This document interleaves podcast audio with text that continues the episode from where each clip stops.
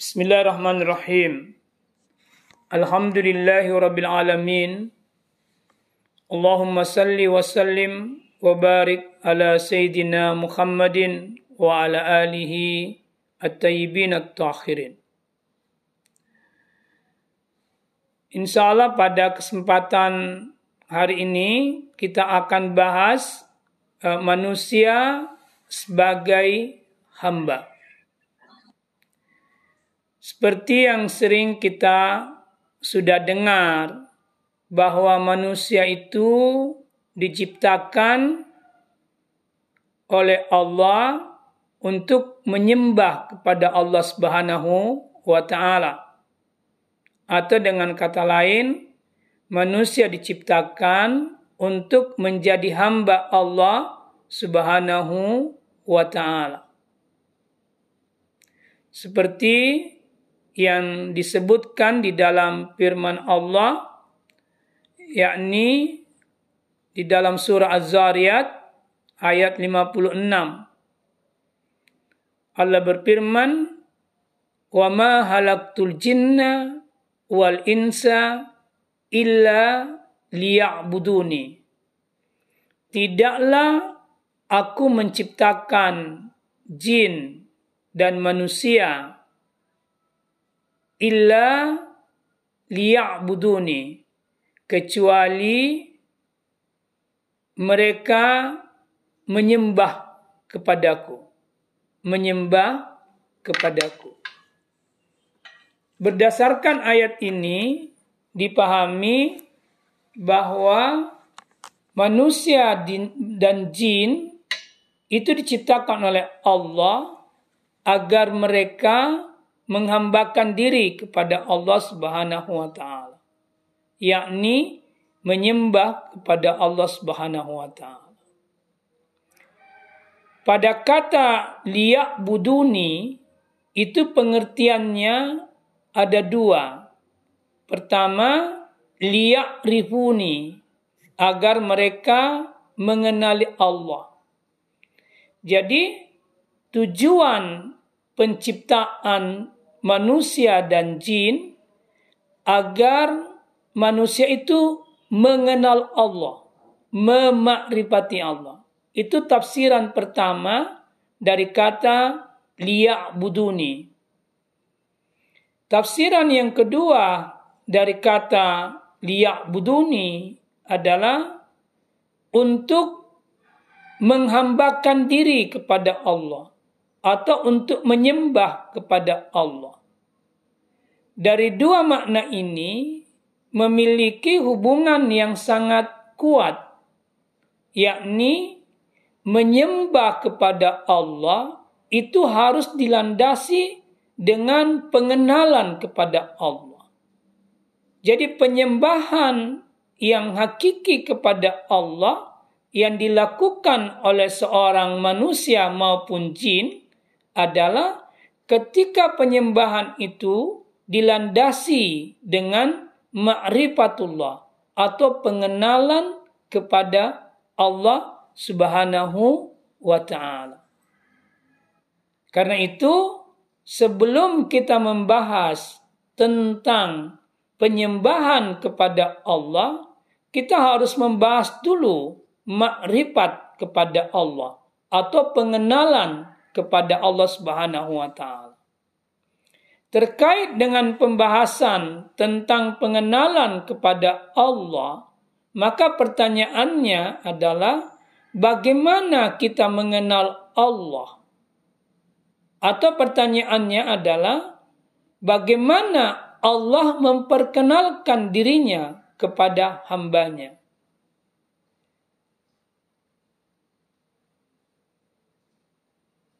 Untuk kita bisa menjawab pertanyaan yang pertama, yaitu bagaimana kita mengenal Allah, maka kita mesti dulu menjawab pertanyaan yang kedua, yakni bagaimana Allah memperkenalkan dirinya. Karena jawaban atas pertanyaan kedua ini yang mengantar kita memahami cara memakrifati Allah atau mengenali Allah.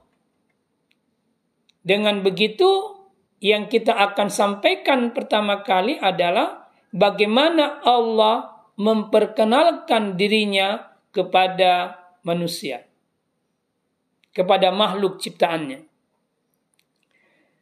Kalau kita membuka ayat-ayat Al-Quran, maka kata pertama yang digunakan Al-Quran untuk menunjuk Allah itu adalah kata Rab.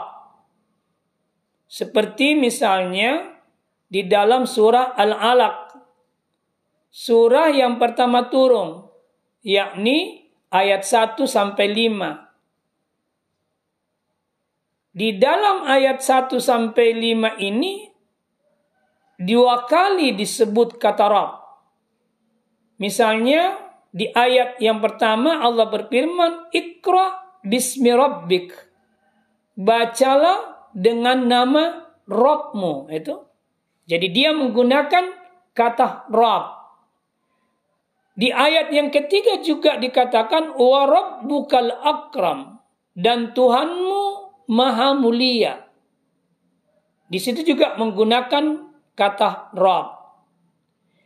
Penggunaan kata Rabb di dalam Al-Quran di ayat-ayat yang pertama turun itu dimulai dari surah Al-Alaq sampai 18 surah setelahnya itu juga masih menggunakan kata Rab.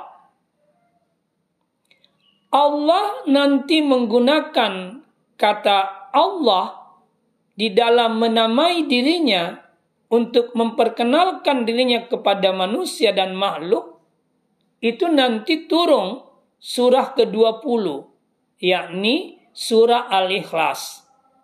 Di dalam surah itu dijelaskan A'udzubillahi minasyaitonirrajim Kul huwa Allahu ahad. Katakan Muhammad dia Allah. Dia Allah di sini mengisyaratkan makna Allah menamai dirinya dengan nama Allah itu. Jadi ada sekitar 18 surah sebelum surah Al-Ikhlas ini nama yang digunakan Allah untuk memperkenalkan dirinya adalah dengan kata Rabb. Sementara di ayat di surah yang ke-20 di surah sebagai surah 20 turun yakni surah Al-Ikhlas Allah menggunakan atau menamai dirinya dengan nama kata Allah. Dari sini kita bisa memahami bahwa Allah pertama kali memperkenalkan dirinya dengan nama Rabb. Bahkan Allah sudah memperkenalkan dirinya sebagai Rabb ketika manusia itu masih berada pada alam rohani. Seperti dijelaskan di dalam surah Al-A'raf ayat 172. Di dalam surah Al-A'raf itu Allah bertanya kepada jiwa manusia, kepada setiap jiwa. Allah bertanya kepada setiap manusia, yakni Alastu bi rabbikum? Bukankah saya ini Rabbmu? Maka semua jiwa atau semua manusia menjawab kalu bala syahidna. Benar, Engkau Tuhan kami. Di dalam ayat ini Allah mas juga menggunakan kata Rabb. Alastu birabbikum. Bukankah saya Rabbmu? Kemudian setiap jiwa mengatakan betul syahidana kami mempersaksikannya. Berdasarkan ayat ini, kita bisa memahami bahwa manusia itu sebelum lahir ke dunia ini sudah melakukan atau sudah diambil persaksiannya oleh Allah Subhanahu wa taala di mana manusia itu mempersaksikan bahwa Allah adalah Robnya. Allah adalah Robnya. Dengan kata lain, dari sini kita bisa memahami bahwa manusia di pra eksistensinya dia sudah mengenal atau diambil perjanjiannya tentang Allah sebagai Robnya. Pertanyaannya adalah, apa yang dimaksud dengan kata Rob? Kata Rob ini sering kali diterjemahkan dengan makna Tuhan. Terjemahan kata Rob dengan makna Tuhan itu sebenarnya tidak salah, tetapi dia menyembunyikan beberapa makna yang sangat fungsional dalam konteks pengenalan kepada Tuhan. Makna apa yang dimaksud? Paling tidak ada tujuh makna yang dimaksud. Yang pertama, Rab berarti pencipta. Jadi ketika Allah bertanya, Alastu bi rabbikum? Bukankah saya Rabbmu? Allah bertanya, bukankah saya penciptamu, wahai manusia? Maka manusia menjawab, Bala, betul engkau pencipta kami. Syahidna, kami bersahadat akan itu. Atau bersaksi akan itu. Makna yang kedua dari kata Rab adalah pemilik. Jadi ketika Allah berkata, Alastu bi rabbikum? Bukankah saya ini adalah pemilikmu? Maka kita sudah pernah menjawab pertanyaan itu, bala, betul, syahidna, kami bersaksi bahwa engkau adalah pemilik kami. Engkaulah yang memiliki kami. Makna yang ketiga dari kata Rab itu adalah penguasa. Kita sudah pernah bersaksi dan mempersaksikan diri kita bahwa Allah itu adalah penguasa kita. Makna yang keempat daripada kata Rab itu adalah pemelihara. Maka ketika Allah berkata, Alastu bi rabbikum, bukankah saya yang memeliharamu? Kita berkata, Kalu bala syahidna. Betul, kami bersaksi bahwa engkaulah yang menjadi pemelihara kami. Makna Rab yang kelima adalah pengatur. Dari makna ini kita bisa berkata bahwa kita sudah pernah mempersaksikan atau bersahadat bahwa Allah lah yang mengatur kami. Kita, dialah pengatur manusia. Makna selanjutnya dari kata Rab itu adalah pendidik. Dari makna pendidik ini juga kita sudah bersaksi bahwa Allah yang memberikan pendidikan kepada kita. Allah yang memberikan pengajaran kepada kita. Dan makna selanjutnya dari kata Rab itu pemberi kebajikan. Di sini juga kita sudah bersaksi bahwa Allah merupakan pemberi kebajikan kepada manusia tidak ada sesuatu yang berasal dari Allah selain kebajikan. Dari semua yang Allah berikan kepada manusia itu adalah kebajikan. Karena dia adalah sumber kebajikan. Ah, dari tujuh makna kata Rob ini, kita mengenal Allah dan juga kita mengenal diri kita sendiri. Jadi kita sudah mengenal Allah sebagai pencipta kita. Pada saat yang bersamaan kita mengenali Allah, mengenali diri kita sebagai ciptaan. Jadi kita adalah ciptaan dan Allah adalah pencipta. Ini makrifat yang pertama. Makrifat yang kedua dari kata dari makna kata Rab adalah kita mengenali Allah sebagai pemilik dan kita mengenali diri kita sebagai yang dimiliki. Dari sini kita bisa berkata dan menegaskan sebagai bentuk syahadat kita bahwa Allah adalah maha memiliki dan maha menguasai dan kita adalah makhluk yang dikuasai dan makhluk yang dimiliki. Kita tidak pernah menjadi penguasa dan kita tidak pernah menjadi pemilik. Diri kita hanya dimiliki dan dikuasai oleh Allah yang Maha Pencipta, yang menciptakan kita. Juga kita harus memahami bahwa kita ini tidak pernah menjadi pencipta, tapi kita hanyalah yang dicipta. Tidak pernah berganti posisi antara yang memiliki dengan yang dimiliki, atau yang dikuasai dengan yang menguasai, atau dengan yang dicipta dengan yang mencipta. Dengan kata lain, Al-Khaliq tidak pernah menjadi makhluk yang dicipta. Sebagaimana makhluk tidak pernah bisa menjadi halik. Yang dikuasai tidak pernah menjadi penguasa dan yang berkuasa tidak pernah menjadi yang dikuasai.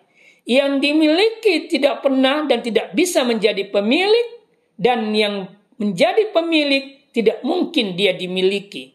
Ini pengertian yang sangat dalam terkait apa yang kita syahadatkan di kalimat alastu bi rabbikum Lalu kita jawab bala syahidna. Ah, selanjutnya dari kata Rab ini juga kita sudah mengenali Allah dan mengenali diri kita sendiri dalam konteks makna bahwa Allah itu maha pengatur. Dia pengatur dan kita hanyalah yang diatur. Juga kita bisa memahami dari kata Rab ini bahwa Allah adalah maha pemelihara dan kita hanya dipelihara. Pengaturan Allah adalah wujud pemeliharaan Allah kepada kita. Itulah sebabnya kita dituntut untuk taat. Kesadaran atau syahadat ini kita menuntut kita untuk taat kepada aturan-aturan yang telah ditetapkan oleh Allah baik yang tercantum dalam kitab suci maupun aturan-aturan yang berlaku di alam semesta.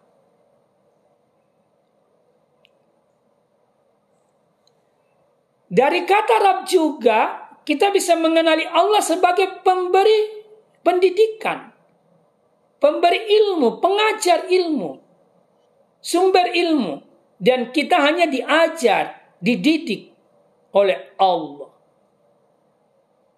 Dan yang paling terakhir yang kita sadari dari kalimat Rab itu bahwa Allah adalah sumber kebajikan bagi makhluk dan kita makhluk ini hanyalah diberi kebajikan oleh Allah Subhanahu wa taala.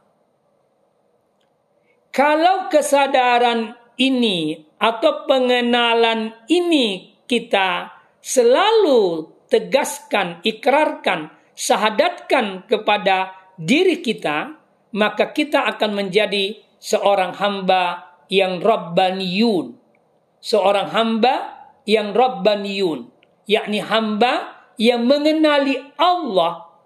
Hamba yang mengenali dirinya sendiri. Inilah yang disebut dalam sebuah kalimat hikmat. Man arafa nafsahu fakad arafa rabbahu. Barang siapa yang mengenali dirinya atau manusia yang mengenali dirinya, maka dia mengenali Tuhannya. Apa yang mengenali Rabbnya? Apa yang dimaksud dengan mengenali diri di sini? Tadi itu, barang siapa yang mengenali dirinya atau manusia yang mengenali dirinya sebagai ciptaan, maka dia mengenali penciptanya. Barang siapa yang mengenali dirinya sebagai yang dimiliki dan dikuasai, maka dia mengenali pemilik dan penguasanya. Barang siapa yang mengenali dirinya bahwa dia hanya diatur dan dipelihara, maka dia mengenali pengaturnya dan pemeliharanya. Barang siapa yang mengenali dirinya sebagai yang dididik dan diberi ilmu, maka dia mengenali Allah sebagai Rabb yang menjadi sumber ilmu dan sumber pendidikan baginya. Kalau dia mengenali dirinya bahwa dia hanya diberi kebajikan, maka dia akan mengenali Allah sebagai pemberi kebajikan. Ini yang dimaksud pengenalan lewat kata Rob.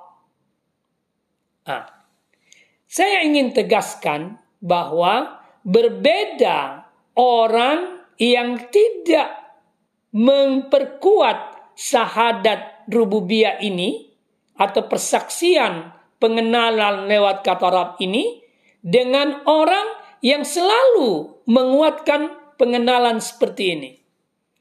Orang yang selalu memperkenalkan atau mengikrarkan atau mempersaksikan syahadat pengenalan rububiyah itu akan sampai pada pengenalan puncak pengenalan rububiyah itu yakni yang disimbolkan dalam kalimat Allahu Akbar. Allah Maha Besar.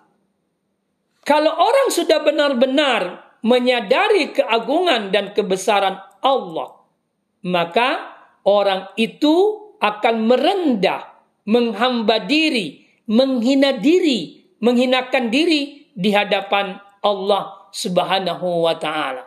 Inilah puncak pengenalan yang disebut syahadat rububiyah, yakni kita merendahkan diri dan menghambakan diri kepada Allah Subhanahu wa taala. Jadi konsekuensi logis yang mesti terjadi setelah orang mengenali dirinya dalam konteks rububiyah ini, syahadat rububiyah ini, maka dia akan menyembah kepada Allah Subhanahu wa taala. Seperti yang tergambar dalam kalimat la ilaha illallah. Tidak ada ilah selain Allah. Mari kita lihat apa makna kalimat ilah. Tidak ada ilah selain Allah. Kata ilah di dalam eh, Al-Quran itu juga sering diterjemahkan dalam terjemahan Al-Quran itu dengan makna Tuhan. Sebenarnya makna-makna ilah, kata ilah itu memiliki beberapa makna yang mesti dipahami supaya kita betul-betul bisa menyadari bagaimana wujud pemahaman kita hubungan antara kata Rob dengan kata ilah. Kata ilah paling tidak dia memiliki pertama makna wujud yang berarti ada. Jadi kalimat la ilaha illallah tidak ada yang ada kecuali Allah. Tidak ada yang ada kecuali Allah. Saya sudah jelaskan sebelumnya bahwa Allah itu adalah ada dan tidak pernah mengalami ketiadaan. Sementara kita ini ada karena diadakan. Itu pertanda bahwa keberadaan kita pernah mengalami ketiadaan. Satu-satunya yang tidak pernah mengalami ketiadaan, yakni Allah. Karena dia tidak pernah mengalami ketiadaan, yang maka dialah yang menjadi sumber keberadaan. Dengan kata lain, dialah pengada. Jadi kalimat la ilaha illallah itu berkenotasi makna tidak ada yang mengadakan atau tidak ada yang menjadi pengada kecuali Allah Subhanahu wa taala. Ini puncak pemahaman juga terkait dengan makna syahadat pertama tadi. Jadi semua selain Allah itu ada karena diadakan oleh Allah. Sementara kita, sementara Allah itu ada tanpa diadakan. Ini penting dipahamkan. Kenapa? Karena pemahaman ini akan menguatkan nanti makna penyembahan kepada Allah sebagai puncak daripada makna kalimat la ilaha illallah. Ini makna yang pertama. Makna ilah yang kedua adalah makna ilah yang kedua adalah tidak ada yang terpuji kecuali Allah Subhanahu wa taala. Tidak ada yang terpuji kecuali oleh Allah Subhanahu wa taala. Seluruh keterpujian adalah miliknya Allah. La mahmuda illallah. Tidak ada yang terpuji kecuali Allah Subhanahu wa taala. Di dalam surah Al-Fatihah itu dibaca Alhamdulillah segala puji miliknya Allah. Pertanyaannya, kenapa Allah menjadi eh, pemilik segala keterpujian? Kenapa keterpujian itu hanya miliknya Allah? Jawabnya, karena Allah adalah Rabbul Alamin. Dia Rabb. Jadi di sini hubungan lagi antara pengenalan terhadap Allah sebagai Rabb akan mengantar kita untuk memujinya dan menyandarkan keterpujian itu hanya kepada Allah dan tidak kepada selain Allah. Itu makna yang kedua dari ilah. Makna yang ketiga dari ilah itu tidak ada yang dituju, tidak ada yang menjadi tujuan kecuali Allah Subhanahu wa taala. Kita sudah pahami tadi bahwa Allah itu adalah kita berasal dari Allah. Allah yang menciptakan kita, Allah yang memelihara kita, dalam konteks makna rububiyah Allah, kita sudah sadar bahwa kita minallah, berasal dari Allah. Karena kita berasal dari Allah, maka Allah adalah tujuan kembali kita. Maka itu di situ dipahami nahnu ilallah. Kita kembali rujuk kepada Allah. Ini yang dimaksud kalimat dalam ayat Al-Quran. Inna sesungguhnya kita semua lillahi miliknya Allah karena berasal dari Allah wa ilaihi raji dan semuanya kembali kepada Allah Subhanahu wa taala. Ini harus selalu kita sadari bahwa kita pasti kembali kepada Allah. Allah adalah al-muntaha, tempat kembali yang paling akhir. Maka manusia dari Allah dan berakhir pada Allah pula. Itu proses perjalanan. Ah. Jadi kalimat la ilaha illallah itu mengajarkan kepada kita sebuah persaksian atau syahadat bahwa kita ini dari Allah karena Allah adalah Rabb lalu kita kembali kepada Allah. Makna yang keempat dari kata la ilah itu adalah tidak ada yang dicintai kecuali Allah. Jadi Allah adalah satu-satunya sumber cinta. Dia yang mencintai dan dia pula yang dicintai. Kalau Allah mencintai seorang hamba, maka hamba akan mencintai Allah. Dan ketika Allah mencintai sesuatu selain Allah, maka hamba yang dicintai oleh Allah dan mencintai Allah itu akan mencintai sesuatu selain Allah karena Allah bukan karena dirinya sendiri. Karena cintanya adalah cinta Allah, Allah mencintainya dan dia mencintai sesuatu karena Allah itu sebagai wujud bukti nyata bahwa dia mencintai Allah dan dicintai oleh Allah Subhanahu wa taala. Inilah makna doa Nabi dalam sebuah riwayat menjelaskan Rasul sallallahu alaihi wasallam pernah berdoa Allahumma ya Allah, inni sesungguhnya aku as'alu hubbak, as'aluka hubbak. Allahumma inni as'aluka hubbak. Ya Allah, aku mohon cintamu. Jadi kita membutuhkan cintanya Allah, maka kita memohonnya. Kenapa kita membutuhkan cintanya Allah? Supaya kita bisa mencintai Allah. Orang yang mencintai Allah itu pasti dicintai oleh Allah. Atau orang yang dicintai oleh Allah pasti mencintai Allah. Tidak mungkin dia bisa mampu mencintai Allah kalau Allah sendiri tidak mencintainya. Jadi ketika seseorang mampu mencintai Allah, itu pertanda bahwa dia dicintai oleh Allah. Sebaliknya, ketika Allah mencintainya, itu juga akan menjadi jalan dia mencintai Allah Subhanahu wa taala.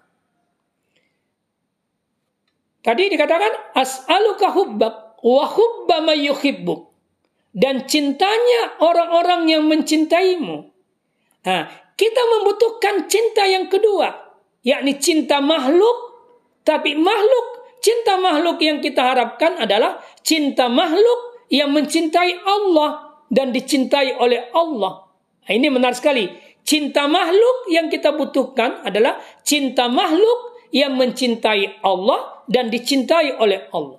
Pertanyaannya, mengapa cinta makhluk itu cinta makhluk yang kita butuhkan dari yang dicintai dan mencintai Allah, dari makhluk yang dicintai, dari manusia yang dicintai dan mencintai Allah?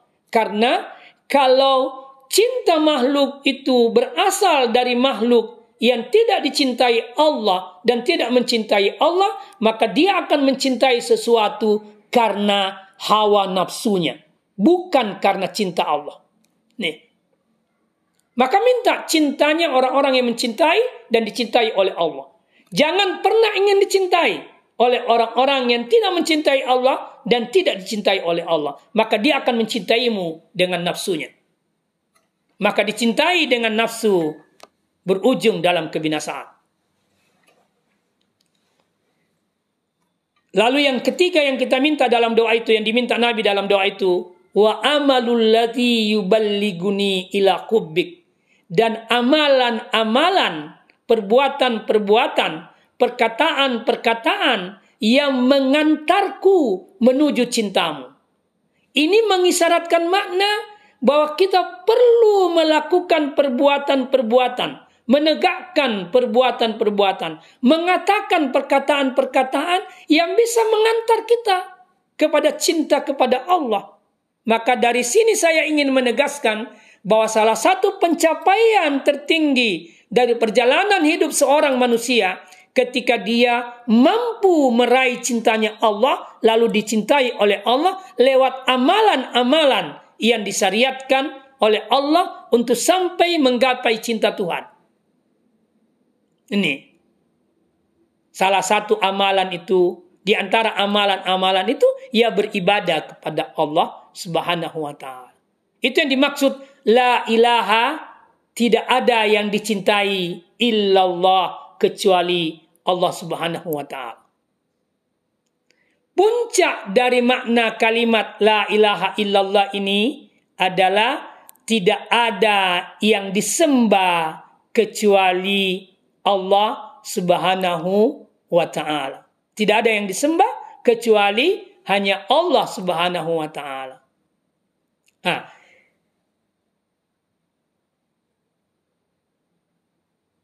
kalau kita mencoba menghubungkan kalimat tidak ada yang disembah kecuali Allah dengan makna-makna ilah yang sebelumnya, maka khususnya dalam makna cinta, maka kita bisa berkata penyembahan kepada Allah itu landasannya karena cinta kepada Allah. Kita menyembah Allah karena kita mencintainya. Dan penyembahan yang kita lakukan itu akan menguatkan cinta kita dan sekaligus menjadi sarana menggapai cinta Tuhan. Kalau kita hubungkan dengan makna Allah yang dituju, maka penyembahan kepada Allah membutuhkan keikhlasan. Kemurnian bahwa saya menyembah Allah untuk men, tujuannya hanya Allah untuk menggapai reda Tuhan. Kalau kalimat makna penyembahan dikaitkan dengan makna keterpujian, itu mengajarkan kepada kita bahwa kalau kita menegakkan eh, penyembahan kepada Allah semata karena cinta dengan keikhlasan dan semata-mata karena Allah, maka insya Allah kita akan mendapatkan kedudukan yang terpuji di sisi Allah. Allah akan memberikan kedudukan yang terpuji itu di sisi Allah. Maka di sini kita menemukan makna-makna yang luar biasa terkait dengan penyembahan, yakni terkait dengan landasan-landasan yang harus hadir di dalam penyembahan. Pertama, kita menyembah Allah karena kita mengenali Allah berdasarkan landasan mengenali Allah, yakni mengenali Allah sebagai Rabb tadi, mengenali keagungan dan kebesaran Allah. Lalu kita menyembah Allah dengan penuh keikhlasan. Kita menyembah Allah dengan penuh cinta. Maka insya Allah penyembahan kita akan berakhir dalam keterpujian di sisi Allah. Itu yang dimaksud dalam Al-Quran. Inna akramakum indallahi atkakum. Sesungguhnya yang paling mulia di sisi Allah yakni yang paling bertakwa. Siapa yang paling bertakwa di antara manusia? yakni Muhammad sallallahu alaihi wasallam. Maka kalau mau mulia tidak ada jalan lain kecuali mengikuti Muhammad sallallahu alaihi wasallam. Penyembahan Muhammad sallallahu alaihi wasallam kepada Allah berlandaskan pengenalannya yang kuat kepada Allah, berlandaskan eh, kecintaannya kepada Allah, berlandaskan keikhlasannya kepada Allah, berlandaskan eh, keridaannya kepada Allah, Itulah yang dimaksud dalam ayat asa ayyab asa qarab buka maqaman mahmuda. Allah akan menempatkanmu Muhammad pada tempat yang terpuji di sisinya.